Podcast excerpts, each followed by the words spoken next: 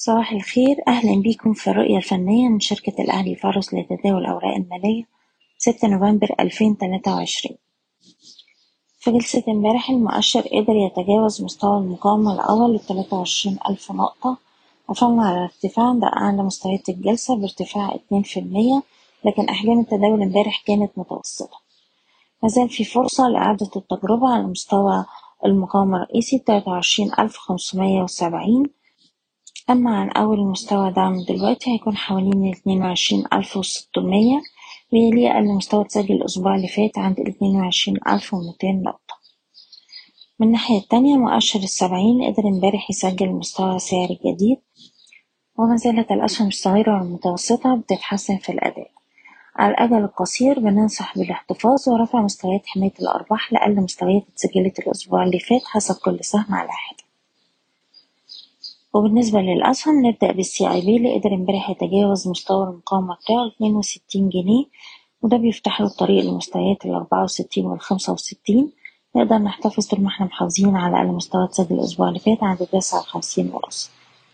المجموعة المالية هرمس قدرت تأكد اختراق مستوى المقاومة السبعتاشر جنيه قفلت عند أعلى مستويات الجلسة والسهم بيستهدف مستويات التمنتاشر ونص والتسعتاشر ونص. سهم القلعة بيختبر دلوقتي مستوى مقاومة هامة عند الاتنين جنيه ونص بتأكيد اختراق المستوى ده الأعلى. يفتح له طريق لمستويات الاتنين تمانين والتلاتة جنيه وخمس قروش. أقرب مستوى دعم عند الاتنين جنيه خمسة وأربعين ونقدر نحتفظ بالسهم طول ما إحنا محافظين على مستوى الاتنين جنيه وعشرين قرش.